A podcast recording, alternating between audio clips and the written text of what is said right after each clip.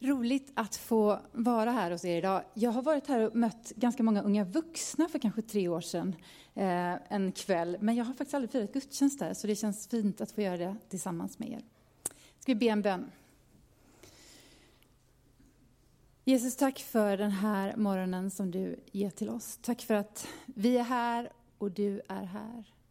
Och att det här inte bara är ännu en söndag, utan att du faktiskt vill möta oss den här förmiddagen.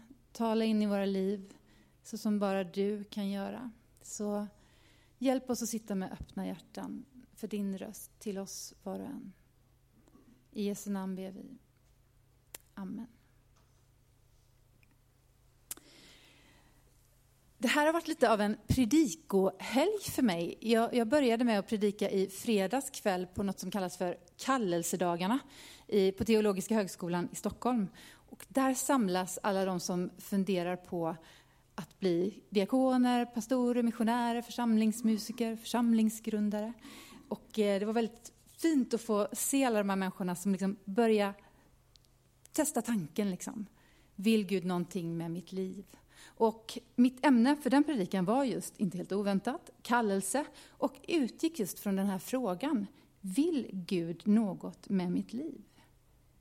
Men den här frågan är inte bara relevant för de som eventuellt funderar på att jobba inom kyrkan. Nej, den här frågan berör ju oss alla. Vill Gud något med mitt liv? Och hur ser det i så fall ut? Och jag tror att vi är många som från tid till tid ändå kan fundera på det, när man står i ett vägskäl i livet inte minst, men också utifrån vår längtan och vårt behov av att leva meningsfulla liv. Och det där med kallelse, det är ju ändå någonting mycket mer naturligt än vi många gånger tänker.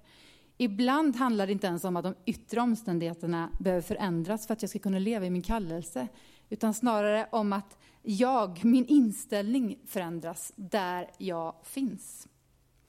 Vill Gud något med mitt liv? På många sätt så känns den frågan ännu mer angelägen att ställa i den här tiden som vi nu befinner oss i, känner jag. Där så mycket är osäkert. När rapport efter rapport talar om en klimatkris som kommer visa sig snabbare än vad någon av oss kunde tro, om man ska tro forskarna. När så många unga kämpar med psykisk ohälsa och har gjort det länge. Rapporterna har varit liksom mörka länge och det är inte bättre efter pandemin.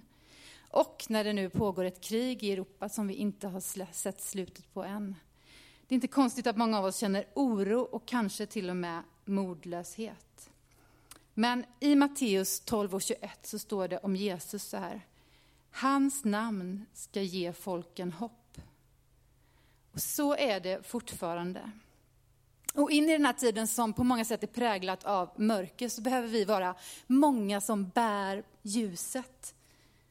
Som visar på att det finns någon som trots allt och mitt i allt har våra liv i sin hand och den här världen i sin hand. Ljuset lyser i mörkret och mörkret har inte övervunnit det. Never will. Det är sant. Och vi måste sprida det ljuset. Nils Bolander skrev en gång en dikt med en strof som jag tycker så mycket om. Gud behöver en vintergata av fackelmänniskor i de slocknande eldarnas natt. Och den strofen har kanske aldrig känts mer angelägen, tänker jag. Och nu vill jag läsa för er några ord från Jesu bergspredikan från Matteus 5, som jag ska utgå från i den här predikan. Och där står det så här, vers 13. Ni är jordens salt. Men om saltet mister sin kraft, hur ska man få det salt igen?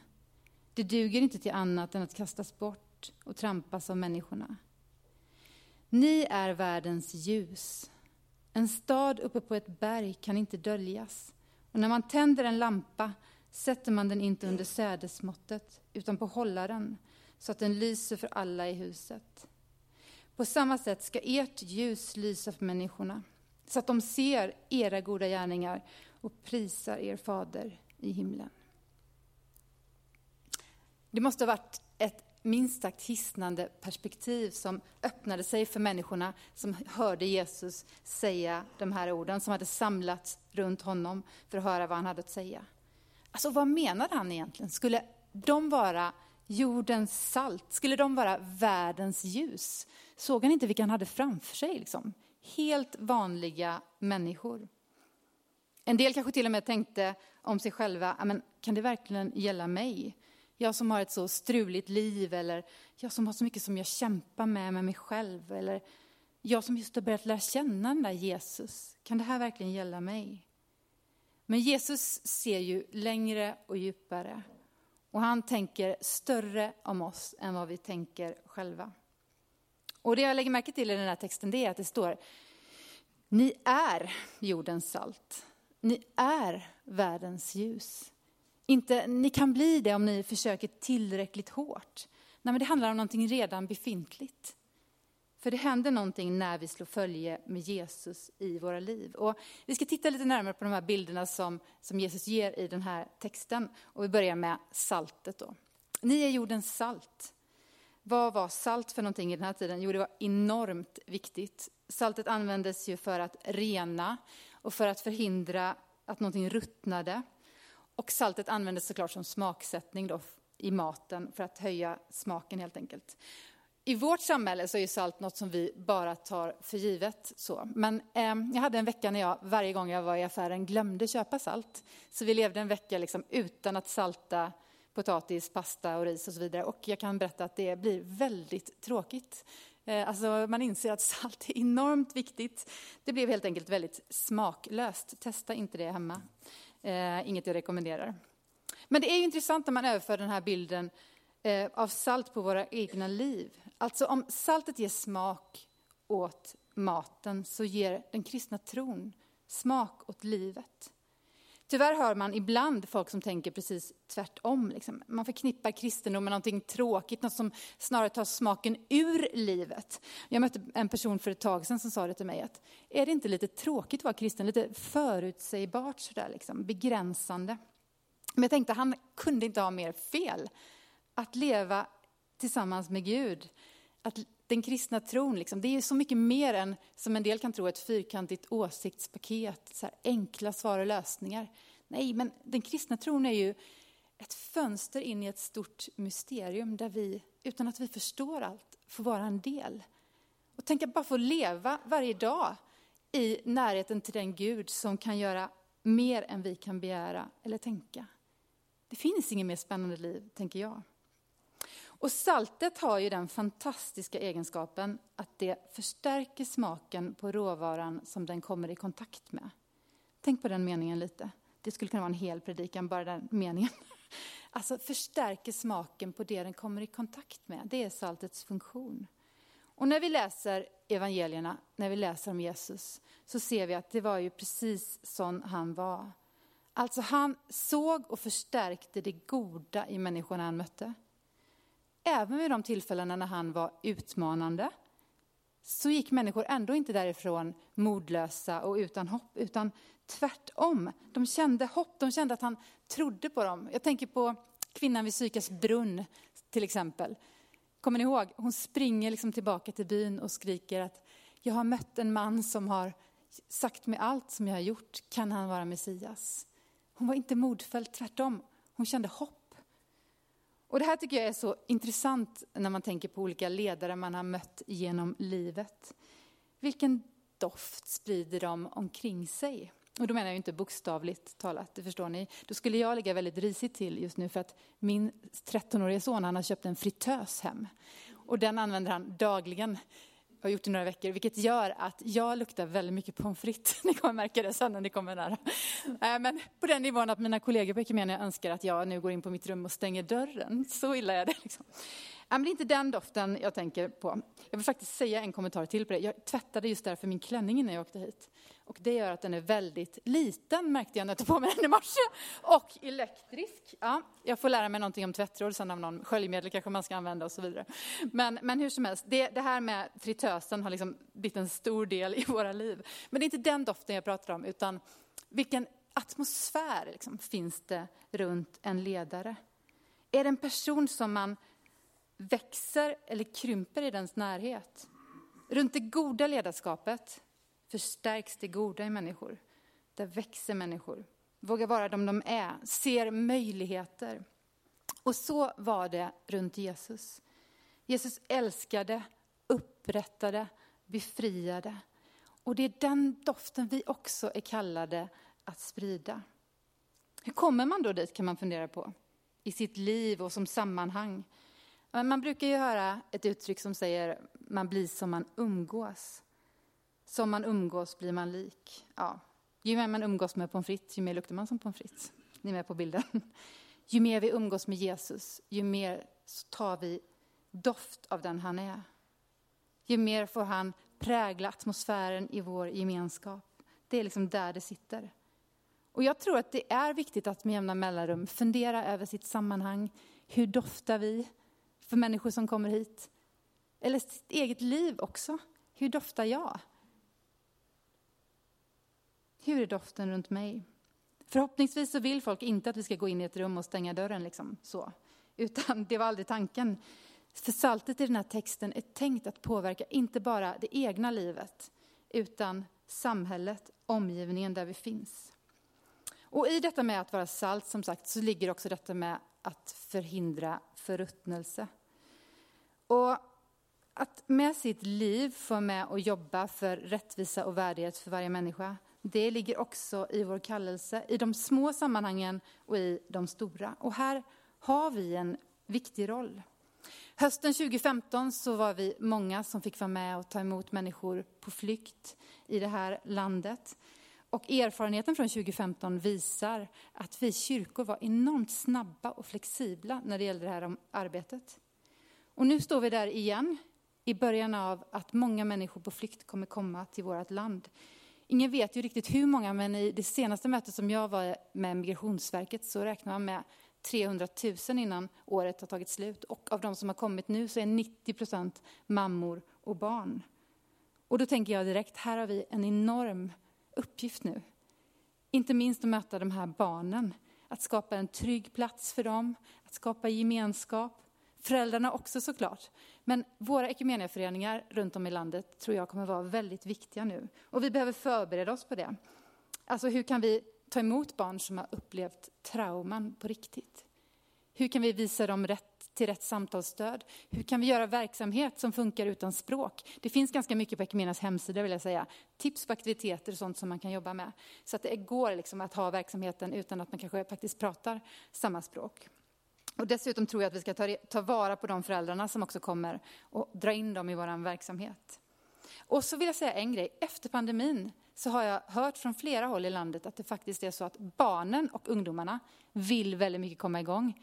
Men att vi har tappat många ledare som kanske har varit ledare länge och så kom det en pandemi och så kommer man liksom inte igång igen.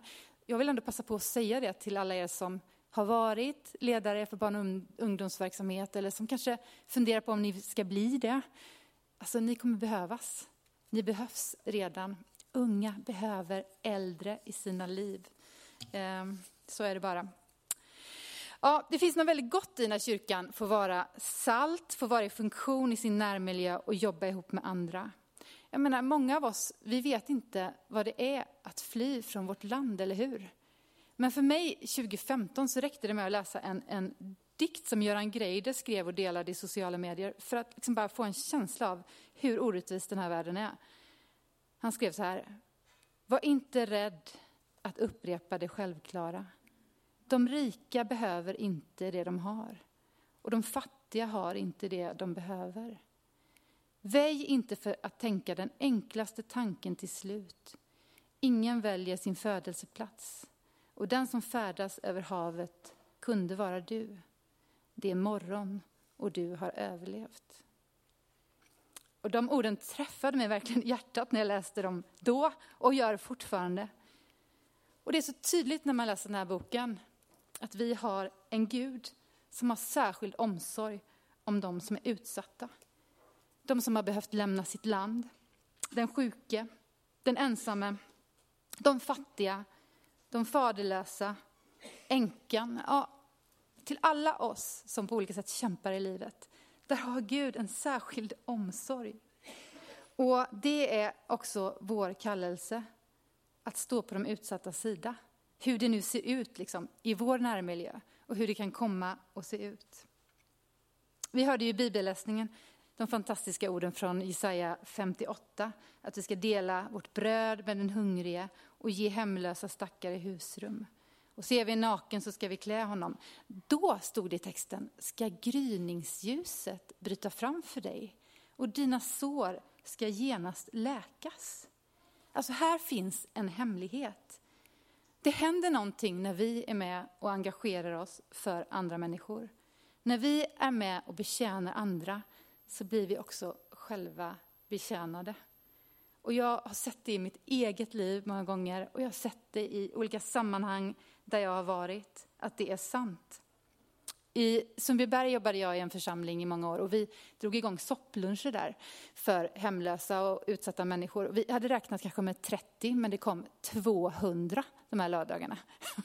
Ja, vilken grej det var alltså. Vi, det stora var ju att vi fick många nya vänner. Men det hjälpte oss också att få perspektiv på vad som är viktigt och vad som är vårt uppdrag. Och vet ni, flera små konflikter som vi hade i den församlingen, som jag nu efteråt tänker handlade mer om färg och form, de liksom bara bleknade. För vi hade fått något viktigare att göra. Det var verkligen som att gryningsljuset bröt fram. Som att sår läktes när vi sträckte oss bortom oss själva och sträckte oss utåt. Det som också hände när vi drog igång de soppluncherna, som förvånade mig lite, det var att väldigt många unga dök upp och ville hjälpa till. Och de tog med sina kompisar och sina klasskompisar. Och jag minns att en sa det till mig, ja, men man blir liksom så stolt över sin kyrka. Det känns som att det här med tron är på riktigt så. Och jag tänker så här, det händer någonting också med unga när de får vara med och bidra. Och generellt så tror jag att vi ska göra mer saker med unga än för unga. Är ni med på vad jag säger? Det är också så man skolas in i vad det är att leva i Jesu efterföljd. Att liksom få praktisera den kristna tron i praktisk handling. Det finns liksom en, ja, det är en nyckel tänker jag. Och om jag får säga någonting utifrån då min roll som, som ledare för Ekumenia, så tänker jag så här, många av oss kyrkor funderar på hur ska vi nå unga och hur ska vi få dem att vilja stanna kvar? Och länge har många av oss tänkt att det handlar om att ge dem riktigt bra underhållning. Riktigt bra verksamhet. Och det gör det nog i vissa åldrar särskilt. Men min erfarenhet av de som är unga i den här generationen, det är att de längtar efter att bli tagna på allvar. Att bli räknade med. Att få vara med och göra skillnad. Och de har liksom så mycket att ge. Det finns så mycket kraft i dem i den generationen som är unga nu. Det är som att de har, liksom, de har sett igenom att det där med själv, självförverkligande kommer aldrig göra mig lycklig.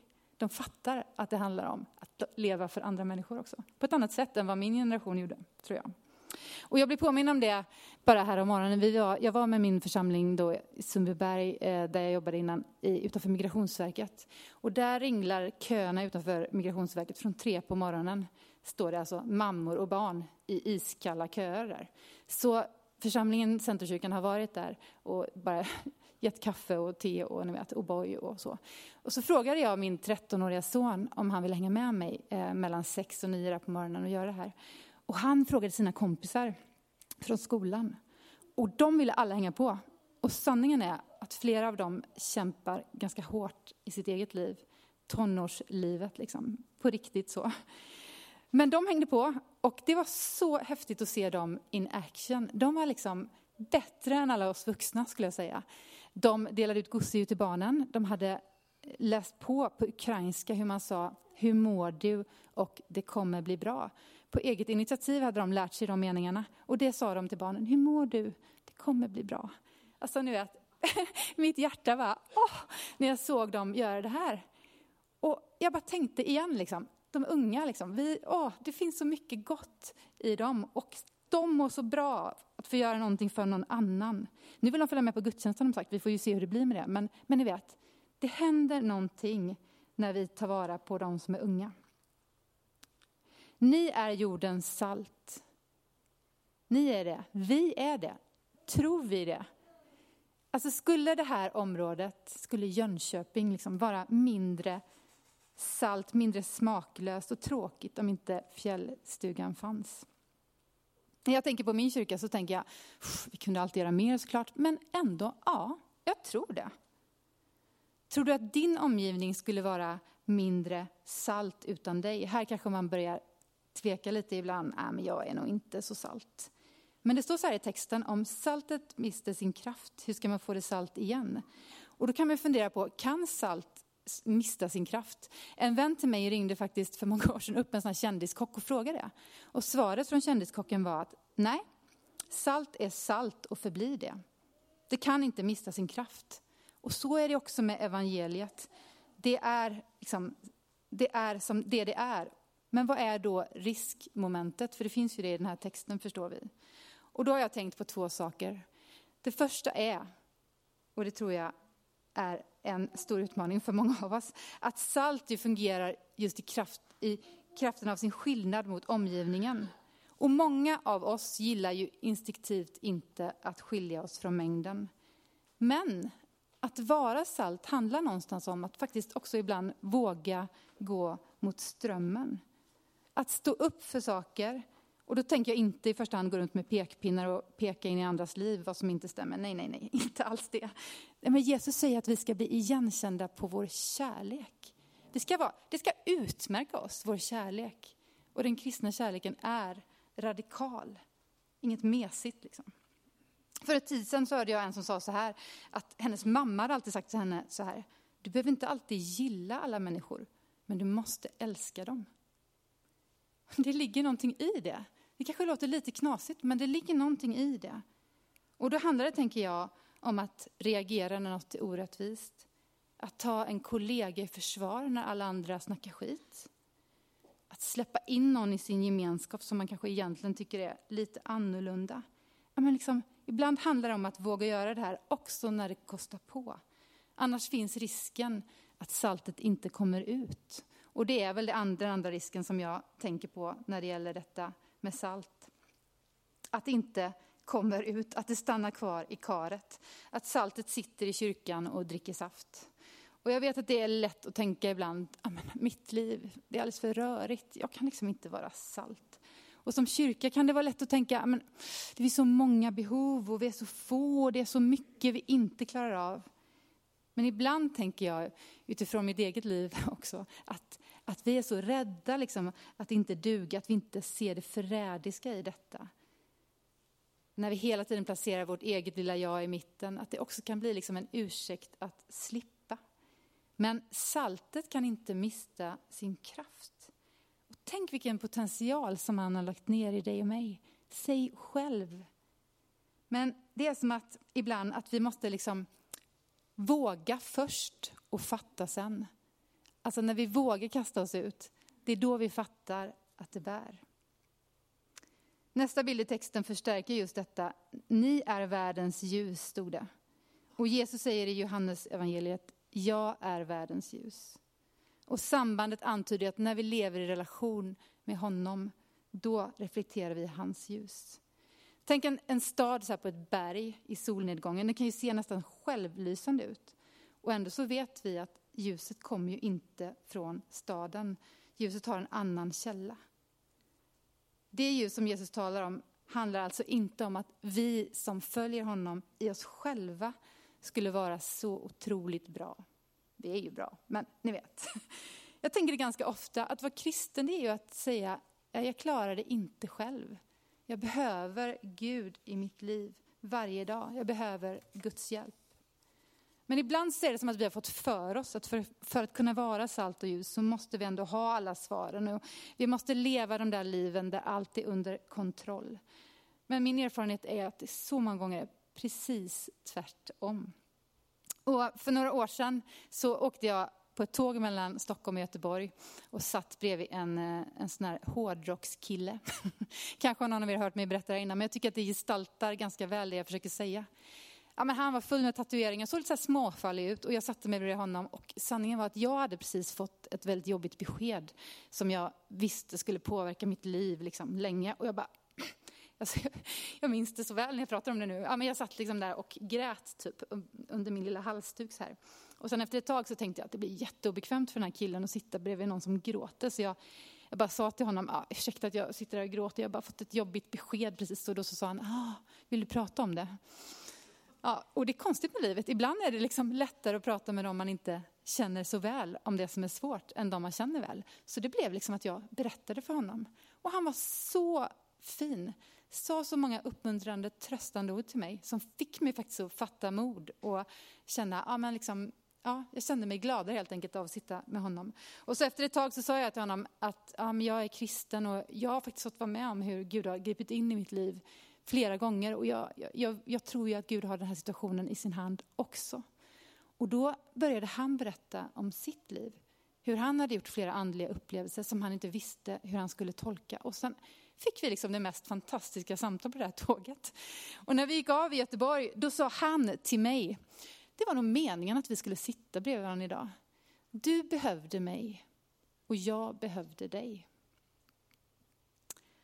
Och jag tror att det finns en nyckel här.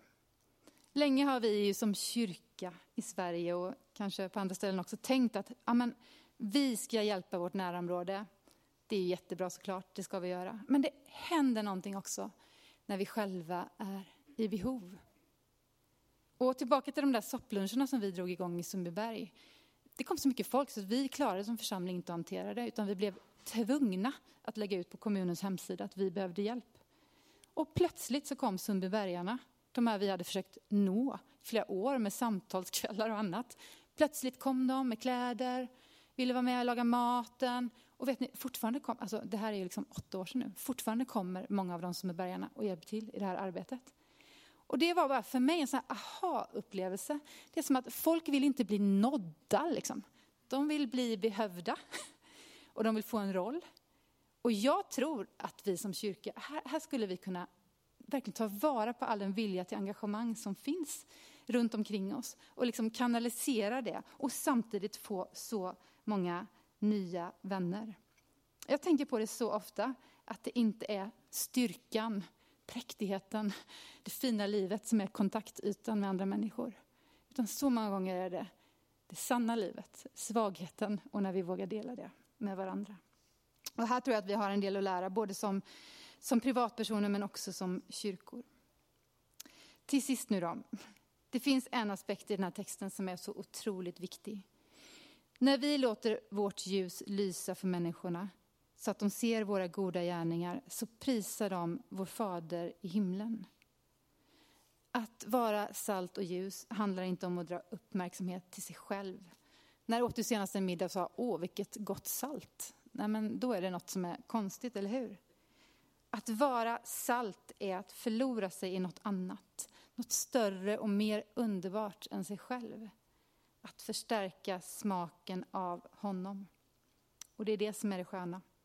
Det handlar inte om oss i första hand. Det handlar om hur god han är. Han som bor i våra hjärtan. Och i det finns det en väldig vila. Vill Gud något med mitt liv?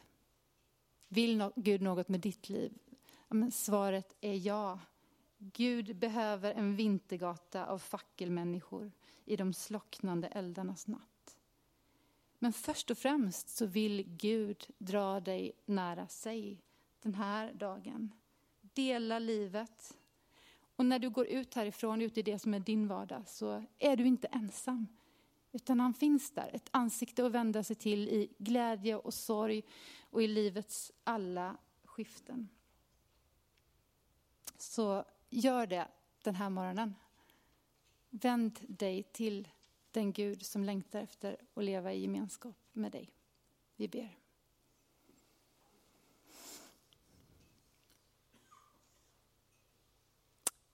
Jesus, tack för din kärlek till oss var och en. Och du vet precis hur vi har det i våra liv. Du vet vad vi kämpar med, du vet vad vi gläds över. Herre, tack att du mitt i de omständigheterna som vi finns i, att där är du. Och ibland är det till och med så att just när vi inte känner oss som någonting, när vi bara känner oss svaga och struliga, då kan du komma med din kraft och till och med använda oss. Tack att det alltid handlar om dig, men att vi får vara dina redskap om vi vill. Herre, jag ber för den här världen och för vår situation, den vi står i. Herre, förbarma dig över allt lidande. Förbarma dig över din skapelse och hjälp oss Herre, att få vara de där fackelmänniskorna in i den här tiden. Som får lysa upp där vi finns, men som också får tydligt peka på att du finns nära. Och att ljuset vinner över mörkret till sist. Herre, ge oss idag tankar på hur vi, där vi finns, kan få vara just salt och ljus för de människor som finns nära oss. Och gör oss modiga. Helige Ande, fyll oss med kreativa tankar från dig själv. Att faktiskt våga gå på din maning i olika situationer. Som faktiskt kan få vara ja, men, livsförändrande för människor runt omkring oss om vi bara vågar. Och tack Herre att det är du som gör det när vi ställer oss till ditt förfogande. Att vi får lita på det och vila i det, att det är du som gör det. I Jesu namn ber vi. Amen.